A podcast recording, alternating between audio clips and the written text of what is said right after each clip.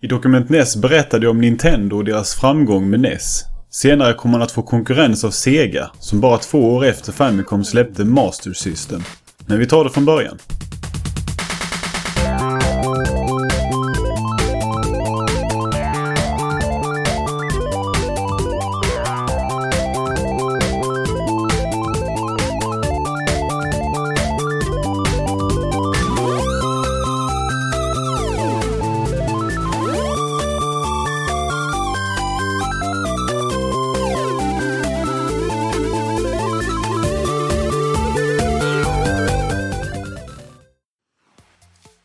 Segas historia börjar i mitten av 50-talet.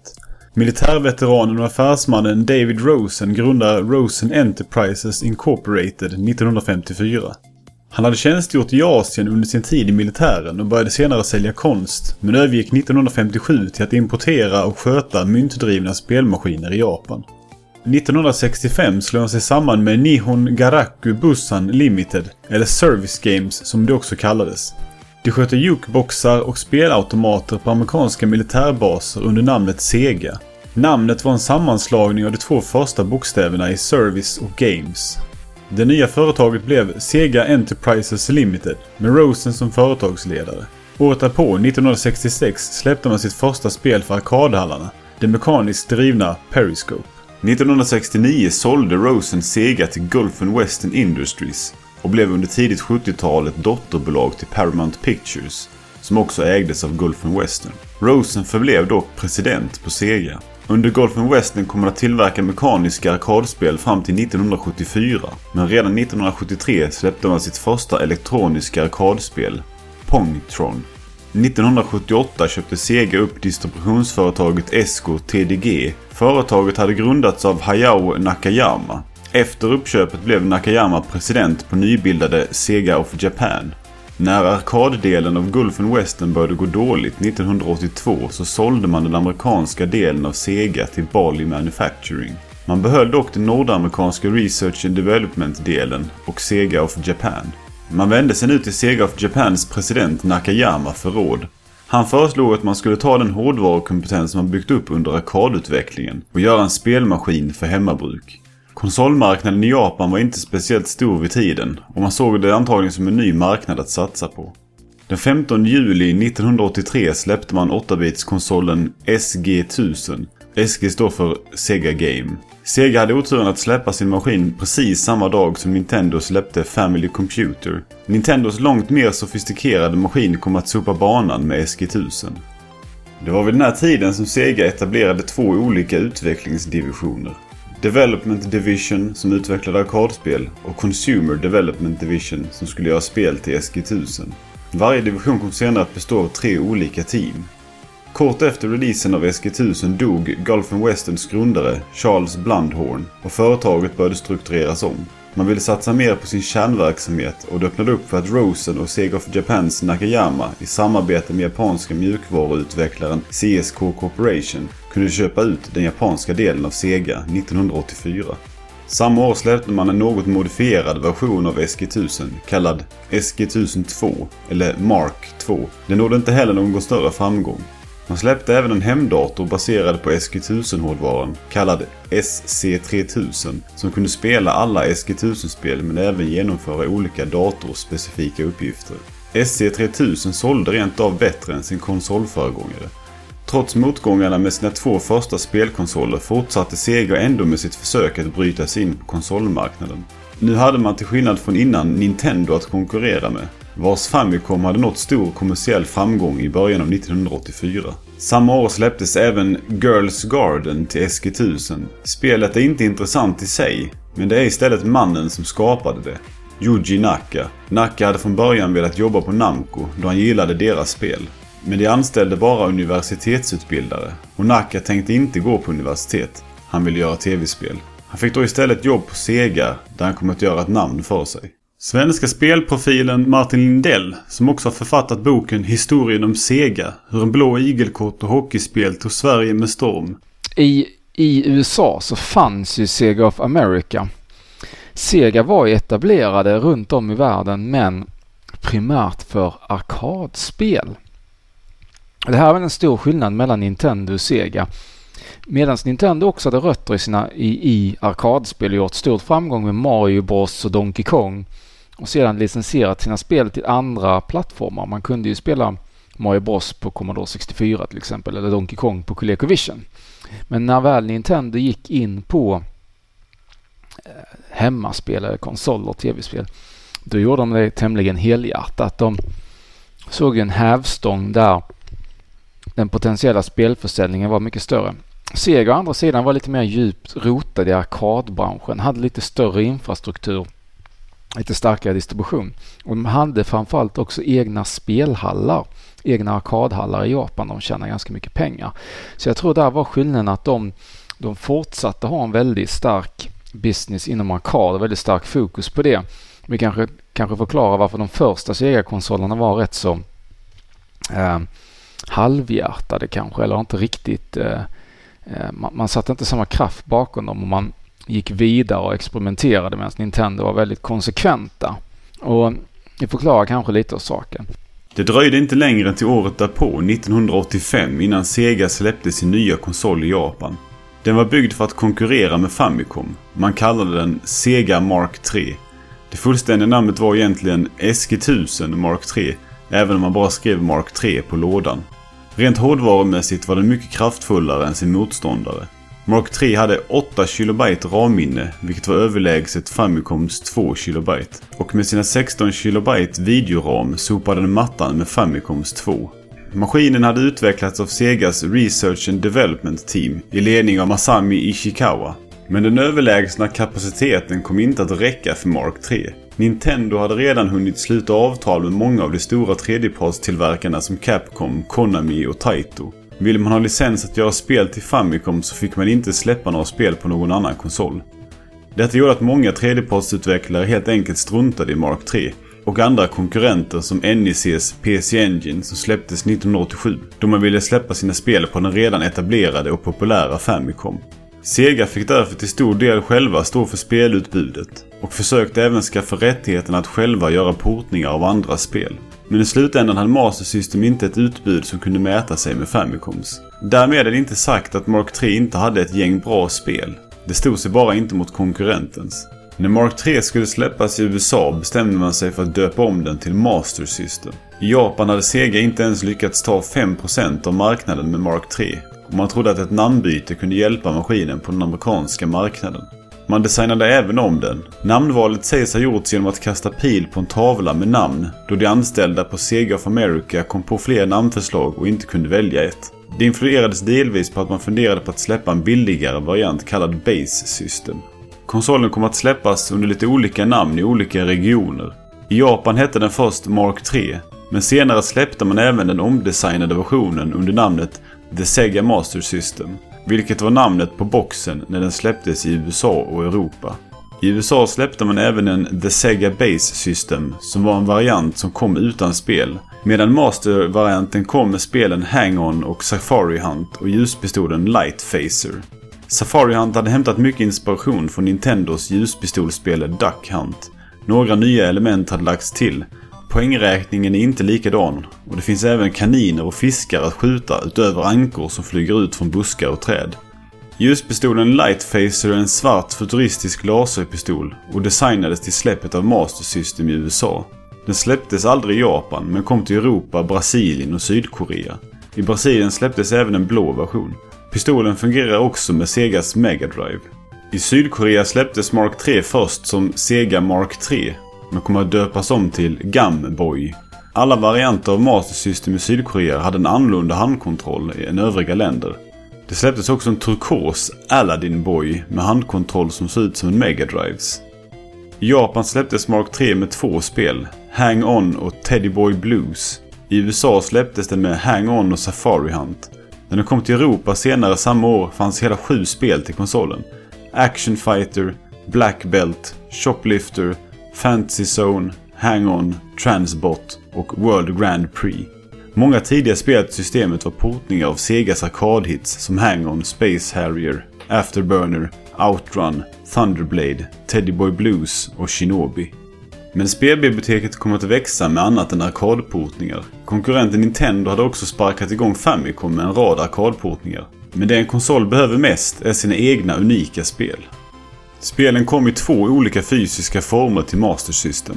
Kassetter var det vanligaste spelformatet. Det andra hade börjat redan på SG1000. Där kallades det MyCard och var kort som man kunde spela via en adapter kallad Card Catcher i kassettporten. Till Master System hade man en inbyggd port för korten som nu kallades MyCard Mark 3 i Japan och Sega Card i resten av världen. 1985 lanserade Sega MyCard EP, en version av korten som gick att skriva över med nya spel. Man lät handlare installera en automat där man kunde stoppa in sitt kort och få ett nytt spel kopierat. Att köpa spel så här var billigare än att köpa ett nytt spel för sig. Men formatet i stort kom aldrig att nå någon större succé och 1987 la man ner MyCard helt och hållet. Formatet hade ett begränsat minne på 32 kilobyte vilket tidigt sprangs ifrån av kassetterna. MyCard gick samma öde till mötes som Nintendos Disk System till Famicom, som även det först var tänkt att använda ett kortbaserat format. Nintendo släppte Disk System 1986 och lanserade en tjänst liknande Segas där man kunde ta en diskett till en automat och kopiera över ett spel för ett billigare pris. Det sista spelet till MyCard blev Woody Pop som släpptes 15 mars 1987. När då Master System kom till USA så var det egentligen då en, en ombyggnad av, eller en vidareutveckling av Sega eh, SG1000 fram till eh, SC3000 och Mark 3. Eh, Master System bygger ju på liknande struktur, har Z80-processorn. Z80 var ju rent tekniskt överlägsen NES Eh, som använde en eh, eh 8-bits processor baserat på MOS Technology 6502. Ehm, Z80 fanns ju eh, i väldigt många hemdatorer som MSX, Sinclair ZX Spectrum och Commodore 128 bland annat. Och den, det hjälpte ju det här med att hemdatorvågen startade vilket gjorde att tillverkningskostnaderna sjönk avsevärt och priserna blev mer konsumentvänliga. Så på det sättet hade ju Mastern en, en, en bra förutsättning. När man gick in i USA så valde man att designa om den och göra den svart istället för att den skulle passa bättre eh, jämte stereon eller videon. Man visste ju då, precis som när Nintendo lanserade sin eh, NES, så visste man att det här med tv-spel var en svår marknad. Man måste positionera det på ett lite annat sätt. Så man väljer att gå mot en lite äldre publik. Sega of America var ju då etablerat som sagt och sysslade med arkadspel. Eh, det var ju primärt David Rosen som en gång eh, grundade Sega genom en fusion med eh, Martin Bromleys bolag. Ehm, och han hade, hade slutat efter en lång masserad massa rad affärer där bolaget hade sålts och köpts tillbaka och så vidare. Att han tog över den amerikanska delen medan Hayao Nakayama Eh, styrde den japanska. Men han behövde då till sin hjälp eh, folk som kunde jobba speciellt på konsumentdelen, alltså tv-spelen. Så man rekryterade ju Bruce Lowry från Nintendo of America. Han hade varit med länge med arkadspelen där och även eh, jobbat med NES viss tid. Um, så det var en stor, stor uh, stjärnrekrytering kan man ju säga att nu, nu får vi lite specialkunskap om just hemmamarknaden och eh, reklamaren Bob Harris som designar förpackningen eh, och eh, reklammaterial för Master System. Man har ganska högt mål. Man ska sälja 500 000. Det går ju inte så här jättebra trots att man har en ganska lyckad visning på hemelektronik med en Consumer Electronic Show. Så är det ju så att Nintendo har ganska snabbt liksom tagit täten tack vare att de var ute lite tidigare. Eh, och de får ett väldigt snabbt järngrepp på marknaden med sina licensavtal. Ehm, så medan då Nintendo ganska snabbt når upp till 2 miljoner exemplar så lyckas ju Mastern bara sälja 125 000 under samma period. Rättigheterna till Tonka Toys, alltså en leksakstillverkare och distributör. Men ett stort problem är att de har sitt kontor i Minnesota och varken Tonka lär sig aldrig riktigt spel särskilt bra och de, de förstår inte riktigt hur de ska sälja och hur de ska marknadsföra. Um, så allmänt får, alltså blir det, det blir ingen större framgång och det lyckas knappt sälja då runt en miljon exemplar i USA. Uh, ehm, så det, det, blir en, ehm, man kan väl säga en, ett dunderfiasko där faktiskt utan att vara uh, allt för krass. Uh, Nintendo blir ju en jättesuccé och uh, säljer då eh, 34 miljoner exemplar medan man då till sist, eh, ja, man når väl upp till 2 miljoner exemplar på mastern efter mycket om och men när man räknar in Kanada också.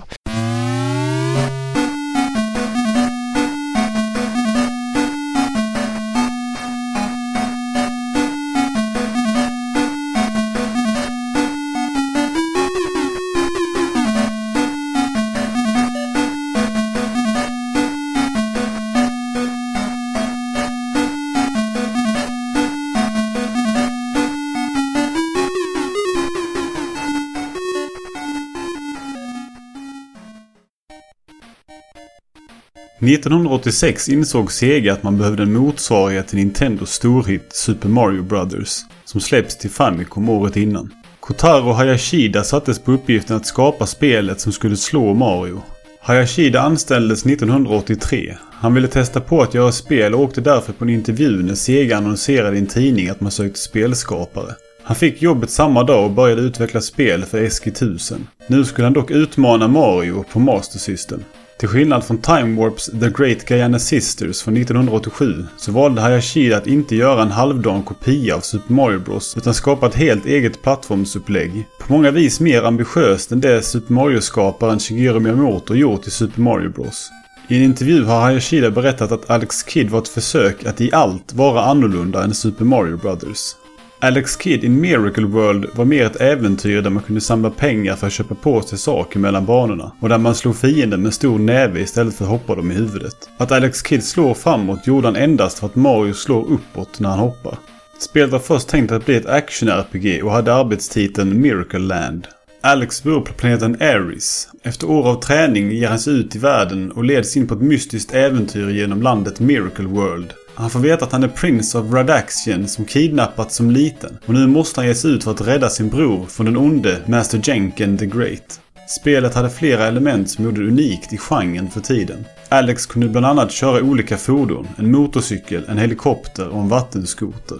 Bossstriden var också annorlunda. Det gäller att vinna i bäst av tre i sten, sax och påse. Ett koncept som Hayashida erkänner är lite märkligt och som mest kom till för att det skulle vara annorlunda från Mario. Det han ångrar mest i sina försök att särskilja spelet från Super Mario är att han ändrade ordningen på vad som är hopp och actionknapp. Detta gör att kontrollen känns omvänd från vad de flesta plattformsspel använder de två knapparna till på Master System och NES. Alex Kidd tog över rollen som maskot efter Opa Opa från Fantasy Zone. Det levande rymdskeppet hade varit Segas figur utåt. Men när Alex Kidd tågade in på Master System blev han, om än inofficiellt, Segas nya maskot och den karaktär som de flesta förknippar med konsolen idag. Alex Kids uttåg blev senare ett ganska deprimerande sådant. För när Sonic the Hedgehog intog scenen 1991 så mer eller mindre slängde man Alex Kidd i soptunnan. Han har sedan dess mest återvänt som cameos och som förare i Sonic and Sega All-Star Racing. Året därpå kom en annan pojke till Master System. Arkadspelet Wonderboy portades till Master System 1987 i Japan under namnet Super Wonderboy. Det hade utvecklats av Escape till arkad men Sega stod för Master System-versionen. I spelet tar spelaren rollen som grottpojken TomTom som hoppar sig genom banor för att rädda sin kidnappade flickvän Tina från den onde Dark King. Då Sega ägde rätten till namnet Wonderboy och karaktärerna så kunde inte Escape porta spelet till Famicom. Man ägde däremot rätten till själva spelet så istället lät man Hudson göra en version av spelet fast att titeln bytts ut och karaktärerna såg annorlunda ut. Spelet kallades Adventure Island och var i spelupplägget en ren kopia av Wonderboy. Takashi Meijin Noboken Jimma, som originaltiden lyder, hade en chef på Hudson, Toshiyuki Takahashi, i huvudrollen. En man som gjort sig känd för att kunna göra 16 knapptryck i sekunden. I Brasilien släpptes två spel i Wonderboy-serien under helt andra namn. Företaget Tectoy bytte ut grafik för att spelet skulle handla om Monica från tecknade serien Monicas Gang istället för undergossen TomTom. Wonderboy Monsterland blev Monica no Castello do Drago eller Monica in the Dragon's Castle. Och Wonderboy 3, The Dragon's Trap, blev Turma da Monica M.O. Resagate, Monicas Gang, The Rescue på engelska. Andra spel som också gjordes om i Brasilien av Tectoy var Teddy Boy, Ghost House, Astro Warrior, Psycho Fox och Kung Fu Kid. De tre sista blev en trilogi spel om grodan Saposule som hade illaluktande fötter. Tector gjorde inte bara om grafik i olika spel. De portade även själva Street Fighter 2 till Master System och översatte de tre första Fantasy Star-spelen till portugisiska. Idag säljer företaget bland annat olika DVD-spelare, men också licensierade varianter av Master System och Mega Drive med inbyggda spel. Mitten och slutet av 80-talet var en märklig tid då Sega som tidigare nämnt konkurrerade med Nintendo. Men samtidigt lät andra utvecklare porta deras arkadhits till Famicom och NES. Afterburner, Alien Syndrome och Fantasy Zone släpptes för Famicom i Japan av Sunsoft. Medan Ataris dotterbolag Tengen släppte Afterburner, Alien Syndrome, Fantasy Zone och Shinobi i USA. Andra Sega-spel som vid tiden släpptes på konkurrentens maskin var Space Harrier via Takara och Altered Beast via Asmic. Och en av dem som eh, var på CS-mässan och scoutade efter något spännande var Dennis Bergström. Eh, Dennis Bergström hade tagit in Vetrexen till eh, Sverige och eh, sålde joysticks bland annat från Vico och var alltså en allmän då dator och speldistributör. Och, ehm, här hittade man då Mastern och ehm, Kenneth Klingborg då som var en av deras säljare var deras då spelansvarige. Det här var på den tiden när CES hade alla spelavdelningar var i princip ett tält utanför mässlokalen. Så han såg ju näst där men visste att den var ju då redan bergsalade, hade, nallat och då Sen såg han mastern och tyckte den här var ju faktiskt väldigt bra. Det var klara färger, fin grafik och imponerade. Så han tyckte att här fanns någonting som, som kunde bli något. Och mycket riktigt, eh, det gick ganska snabbt. De eh, förhandlar med Sega of America och eh, får åka en sväng till Japan och sedan får de då eh, avtalet. Och 1987 eh, släpps den i Sverige eh, för priset 1500 kronor. Eh, och spelen kostar då runt eh, 300 kronor. Så det är ungefär på samma nivå som eh, Nintendo 8-bitars. De säljer 1000 enheter i början så att hela skeppningen går iväg. Men eh, det är ju rätt eh, Nintendo har ju väldigt snabbt alltså etablerat sig rätt starkt så att det är svårt att, eh, svårt att komma in och när, när de åker runt och försöker sälja in då Master System så är ju många väldigt skeptiska för de har ju redan tagit in Nessen. 1987 kom actionspelet Cillion baserat på animen Red Photon Cillion. Spelet och animen var ett samarbete mellan Sega och animestudion Tatsunoko Production. Pistolen som huvudkaraktären JJ använder är en Sega Lightphaser. Att den faktiska ljuspistolen skulle ha modellerats efter pistolen i spelet och animen är dock en myt. Pistolen släpptes flera månader innan spelet och animen. Animen och spelet har även en annan Sega-referens. Opa Opa, huvudkaraktären i Fantasy Zone, gör en cameo-roll. Så medan då Mastern hade sålt 1000 exemplar 1987, då var ju NES redan uppe i 40 000 på två år. Eh, så de hade ju tagit ett järngrepp där. Men eh, de gav inte upp och de fortsatte ju kämpa och det kom ju väldigt många bra spel. Ehm, alltså, även i Sverige fanns ju arkadmaskiner ute på eh, hamburgerhak och eh, pubbar och eh, köpcentrum och på andra ställen. Så folk kände ju igen spel som Hang-On och Outrun och tyckte det var häftigt. Så att sakta men säkert jobbar ju sig eh, Mastern fram och Wonderboy blev ju också väldigt populär, ett av de mest sålda spelen. Senare blev även Slapshop väldigt populärt. Så tack vare att de sänkte priset och var lite mer aggressiva. De gick snabbare under eh, den magiska priset tusenlappen.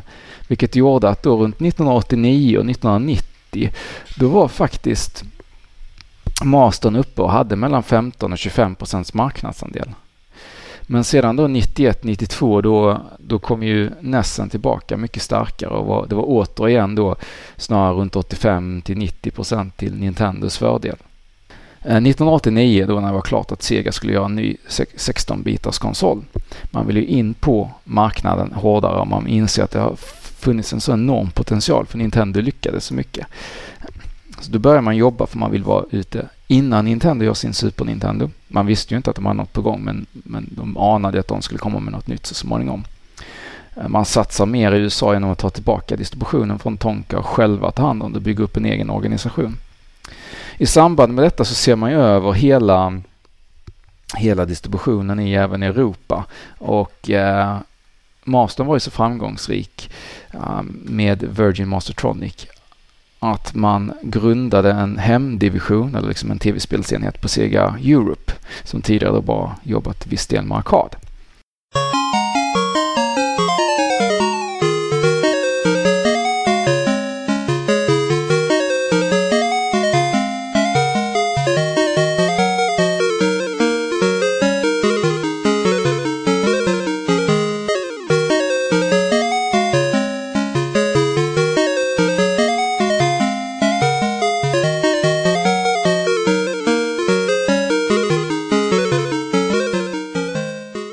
Och i samband med detta så Brio vill ju in på eh, spelmarknaden. Man har ju hela leksakshandeln och man har ju tidigare sålt bland annat Philips Videopack. Så man var ju nyfiken då på, på spel och vad man kunde göra och via då ryktesvägar får man höra att Sega då är intresserad av eh, att se över distributionen. Så Anders Hallberg som är då avdelningschef han eh, samarbetar med en eh, konsult som heter Stefan Lampinen som har lite specialkunskap efter att ha jobbat med tradition bland annat. Och de eh, närmar sig Sega och eh, börjar förhandla. Efter mycket fram och tillbaka så gör det att det landar hos eh, Brio. Brio hade lite mer, alltså större eh, möjligheter att satsa på marknadsföring och lägga större ordrar. Dennis Bergström har ju svårt att matcha Brios eh, bud när de väl eh, när Sega väl inser att Brio en stark, kan bli en stark partner. Brio har ju större medel att lägga på marknadsföring medan då Dennis Bergström jobbar med flera produktgrupper och vill väldigt mycket in på data och modem och liknande. Eh, och när de ser att Brios initialorder är så mycket högre då inser Dennis Bergström att de de vill ju kämpa men de, de, kan liksom inte matcha det. Och det här är ganska ovanligt för japanska bolag jobbar väldigt långsiktigt och det ligger liksom inte i deras mentalitet att bryta redan efter ja, tre år. Men man gör alltså det och skriver på för eh, Brio istället. Och det gör ju att Brio då även tar över Sega Master System. Även om de inte är intresserade av det så får de även hantera det. De måste ta hela portföljen. Så långt innan, eller långt innan, ett tag innan då Megadriven ska lanseras så får alltså även då Brio sälja Sega Master System. Eh, och de gör det ju faktiskt med ganska stor framgång för dels kan de stödja leksakshandlarna bättre um, och det gör att de, de, får iväg ganska många maskiner. De, de trodde ju inte alls att det här skulle gå men det var ju lite intressant. De, de säljer betydligt mer Eh, och de ser att vissa starka fästen då är väldigt duktiga på Sega. Eh, och det ger dem då även idén att de borde satsa hårdare på vissa butiker och vissa städer för att eh, få starka positioner. Medan då andra eh, kanaler då som Åhléns och Stor och Liten, där måste man slå sig in trots att Nintendo är starka. Så Brio hjälper ju till med sin organisation att, att faktiskt växa det ytterligare ett steg. Sen gick det ju rätt snabbt för därefter så kom ju äh, kom ju äh, Mega Drive och Super Nintendo. Så att sedan började ju både NES men framförallt Master droppa väldigt snabbt. Så slut, slut, slutsumman är att det såldes ungefär runt 65 till 66 000 Master System i Sverige medan det såldes då totalt 420 000 Nintendo 8-bitars. Så det gör ju att det låg ungefär på 85-86 procents marknadsandel på, för Nintendo och eh, 14 15 procent för Sega Master System. Merparten såldes faktiskt av Brio men eh, ungefär 55 procent av de Sega Master System som såldes såldes av Brio och 45 procent såldes av Dennis Bergström. 1988 portades spelet Ys, The Vanishing Omens till Master System. Spelet hade först skapats för PC 8801 1987 av Masai Hashimoto och Tomiyoshi Miyazaki på Nihon Falcom. En duo som senare kom att göra bland annat Actracer och Soul Blazer till Super NES under sin egen studio Quintet. Just Master System-versionen av spelet var ett sånt som Sega själva gjorde för att spelet alls skulle komma till konsolen. Som tidigare nämnt fick Sega ibland rätten att porta spel själva, då utvecklingsstudion bakom ett spel inte kunde göra det själva på grund av avtal med Nintendo, eller helt enkelt inte ville. 1989 bestämde Sega att man behövde ett rollspel på Mark 3. Konkurrenten Nintendo hade året innan fått ett framgångsrikt rollspel i Square Enix Dragon Quest till Famicom. Uppdraget gick till Consumer Development Division 2, alltså samma team som hade gjort Alex Kidd i Miracle World. Man grundade spelet på en storyidé av Shiko Aiko. Hon hade under en tid utvecklat berättelsen och man började nu anpassa den för ett rollspel. Spelet hette Fantasy Star. Namnet kom programmeraren Yuji Naka på. Han gillade popidolen Nori och hennes låt Nagisa no Fantasy, Beachside Fantasy på engelska. Och försökte para ihop ordet fantasy med något som passade. Vilket slutade med titeln Fantasy Star. Till skillnad från i stort sett alla andra rollspel vid tiden så baserades inte Fantasy Star, trots titeln, på klassisk fantasy med trollkarlar och drakar i en medeltida miljö. Utan på en blandning av fantasy och science fiction. Grafikern Reiko Kodama har berättat att man inspirerades till mixen av estetiken i Star Wars. I filmerna har Luke nästan en judodräkt och använder svärd som en samuraj. Hon gav därför sina karaktärer medeltida kläder, fast de levde i en högteknologisk science fiction-värld. Sheiko Aiko var djupt involverad i sin story och hade redan utvecklingen tog fart nästan all dialog klar. Man ville först att huvudkaraktären Alicia skulle kunna bli mer pojk eller flicklik beroende på handlingar spelaren gjorde i spelet. Karaktären Lutz började därför som androgyn för att sen kunna bli mer av den motsatta kön från vad Alicia blev. Men i grund och botten var Alicia en kvinna och det var något man ville göra för att differentiera sig från konkurrenterna. I spelet ville man ha grottor man kunde gå igenom i första persons perspektiv. En vision som teamet hade svårt att få fram till programmerarna som inte visste hur man skulle göra de tredimensionella gångarna. Programmeraren Yuji Naka hörde talas om problemet och skrev själv motorn för ett trådramsverk som skulle rita upp grottorna. Grafiska designen Reiko Kodama har berättat att man fick ta till en rad knep för att spara minnen när man gjorde grafiken i spelet. I spelet möter man olika karaktärer. I scenerna där man pratar med dem ser man karaktären mot en bakgrund. Tittar man noga så ser man att bakgrunden är speglad. Reiko skapade alltså ena sidan och sen speglade man bilden i koden. Samma teknik gick inte att använda med sprite då den ligger i RAM-minnet. Alltså det tillfälliga minnet, där saker laddas upp just för när de ska användas. Bakgrunderna däremot ligger i samma kod som grafiken för kartan, som är laddad hela tiden. Vilket alltså gör att det är möjligt att vända på de 8x8 pixlar stora rutorna som bilden är uppbyggd av. Rent grafiskt var Fantasy Star långt före något spel i genren. Där Dragon Quest hade stillbilder för fiender i strid kunde Mark 3 prestera animerade figurer med fler färger än Famicom klarade av. Spelet led också av den tidiga spelutvecklingens växtverk. Teamet hade inte förutspått att deras sparsystem som tillät spelaren att spara när som helst kunde leda till att spelaren fastnade i en grotta, hjälplöst underutrustad och med en omstart av hela spelet som enda utväg, berättar spelets ena designer Kataro Hayashida. Teamet har efteråt berättat att alla som var inblandade i utvecklingen jobbade i samma rum. Något de trodde var jobbigast för kompositören Tokuhiki Bo Wabo. Att göra musik i ett rum med ljud från andra måste ha varit påfrestande. Faktum är att all spelutveckling till Master System gjordes i samma rum, där alla de olika teamen bestående av omkring 40 personer arbetade samtidigt. När Fantasy Star släpptes den 20 december var det bara två dagar sedan vad som kom att bli den stora genrekonkurrenten Final Fantasy hade släppts till Famicom.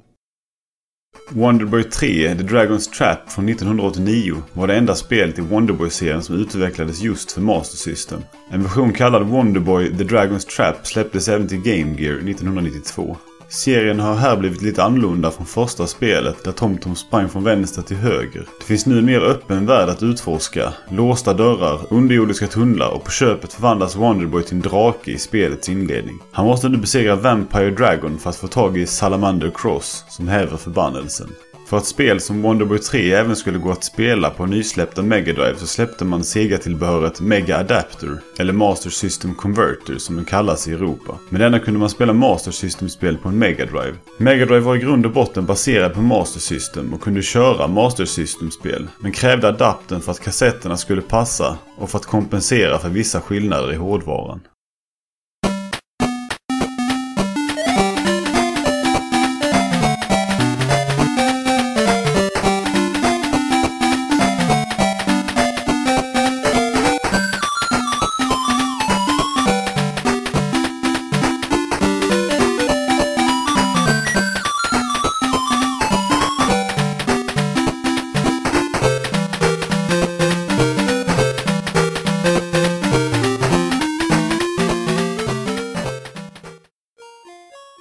Den 6 oktober 1990 släppte Sega Game Gear, deras första bärbara konsol. Den var baserad på Master System-hårdvaran och kunde till och med spela Master System-spel via en adapter.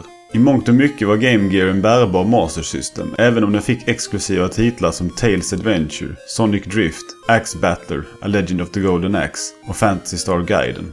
Trots att Game Gear var tekniskt sofistikerad så kunde den inte konkurrera med Nintendos billigare Game Boy. Mycket hängde på GameGears korta batteritid som bland annat berodde på den bakgrundsupplysta flerfärgsskärmen. Och så hade man precis som Master System svårt att få in spel från de stora tredjepartstillverkarna. Den lyckades ändå sälja i 11 miljoner exemplar. Något som andra konkurrenter som Atari Lynx och NECs bärbara PC Engine, PC Engine GT, inte kunde mäta sig med.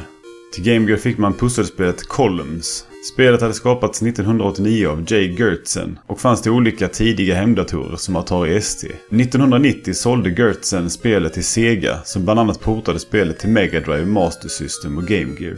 Nintendo hade året innan släppt sin första bärbara konsol Game Boy som såldes med pusselspelet Tetris som Nintendo skaffat rättigheten till för att sälja tillsammans med Game Boy. Huruvida Sega köpte Columns för att kunna sälja sin bärbara maskin med ett pusselspel precis som Nintendo vet vi inte. Det släpptes olika varianter av Master System under åren och med olika namn. 1990 producerade Sega den billigare Master System 2. Man har tagit bort en del funktioner för att få ner priset. Det fanns ingen port för Sega Card. Kassettluckan hade inte längre något gångjärn. När maskinen startades upp visades ingen Sega-logo. Den hade inte heller reset-knapp eller LED-indikator som visade när strömmen var på. I Sydkorea kallades som sagt Master System Gamboy och distribuerades av Samsung. Sega ville inte sköta distributionen själva på grund av Japans dåliga relation med Sydkorea. När Master System 2 släpptes gav Samsung det namnet Gamboy 2. I Brasilien var det Tectoy som distribuerade Master System. Som nämnt innan modifierade företaget också en del spel. Efter att konsolen gick i graven, vilket den gjorde först i Japan den ersattes av Mega Drive 1988. Sen i USA och några år senare i Europa. I Brasilien fortsatte Tectoy under licens att själva tillverka nya varianter av Master System. Den senaste versionen har en Mega Drive-liknande handkontroll och inbyggda spel istället för en kassettport. Mellan 1985 och 1988 producerade Sega en arkadkrets kallad System E som baserades på Master System. Den var mer eller mindre en Master System med dubbla krafter. Detta innebar bland annat att den klarade hantera dubbla mängden sprites på skärmen samtidigt. Ett gäng spel utvecklades med System E i åtanke, även om några av dem portades till Master System. Astroflash, också känt som Transformer, döptes om till Transbot till Master System. Fantasy Zone-uppföljaren Fantasy Zone 2 släpptes först till System E och man släppte även en version av Tetris då Nintendos rättigheter inte berörde arkadformatet. En av eh, Segas starka fästen var ju faktiskt Brasilien. Medan man hade tuff konkurrens i Nordamerika så var Nintendo väldigt koncentrerade på Västeuropa och Nordamerika vilket gjorde att Sega kunde få ganska bra täckning i, i länder och regioner där Nintendo antingen inte alls fanns eller var svaga, vilket betydde att Sega var ju väldigt populärt. Förutom i delar av Europa så var det väldigt populärt i länder som Sydkorea och framförallt Brasilien. Och Brasilien säljer den faktiskt hela 5 miljoner exemplar. Det är alltså nästan en tredjedel av alla Master System som har sålts, har sålts i Brasilien. Man hade ett väldigt bra samarbete med Toy, alltså en lokal leksakstillverkare och distributör. De lokaliserade i omslag och satsade väldigt mycket. Och eftersom det finns en slags lyxskatt i Brasilien på import så gjordes en stor del av tillverkningen också i Brasilien vilket gav bra förutsättningar för det. Och vad som är intressant är att de fortsatte väldigt länge dessutom. Eh, dels så konverterar de ju då spel som släpps till andra format men inte till Master som Street Fighter 2 och Sonic Blast och Mortal Kombat 3 släpps alltså i Sega Master System-versioner. De satsar även på lokalt innehåll vilket är en stark faktor till att de är väldigt populära. På den här tiden var ju spel lite enklare så det var lättare att bara byta ut karaktärerna och sätta ett annat omslag och titel. Lite som Nintendo gjorde med Super Mario Bros 2. När man tyckte att japanska Super Mario Bros 2 var alldeles för likt originalspelet, det första Super Mario Bros. Då tog man ett helt annat spel, Doki Doki Panic, som var mer eh, orientaliskt tema bytte ut spelkaraktärerna och satte in Mario, Luigi och prinsessan. Samma sak gjorde man då i Brasilien. Man tog spel som Wonderboy, Teddyboy, Ghost House, Astro Warriors och så satte man in eh, brasilianska kända karaktärer istället som eh, Monica, Geraldine och, och andra karaktärer då och släppte de spelen enbart i Brasilien. Så det är också en stor anledning till varför det blev väldigt populärt just för att det fanns en, man fanns en väldigt stark kännedom i spelen. Och Master System fortsätter så länge att den faktiskt liksom är långt inne på 2000-talet.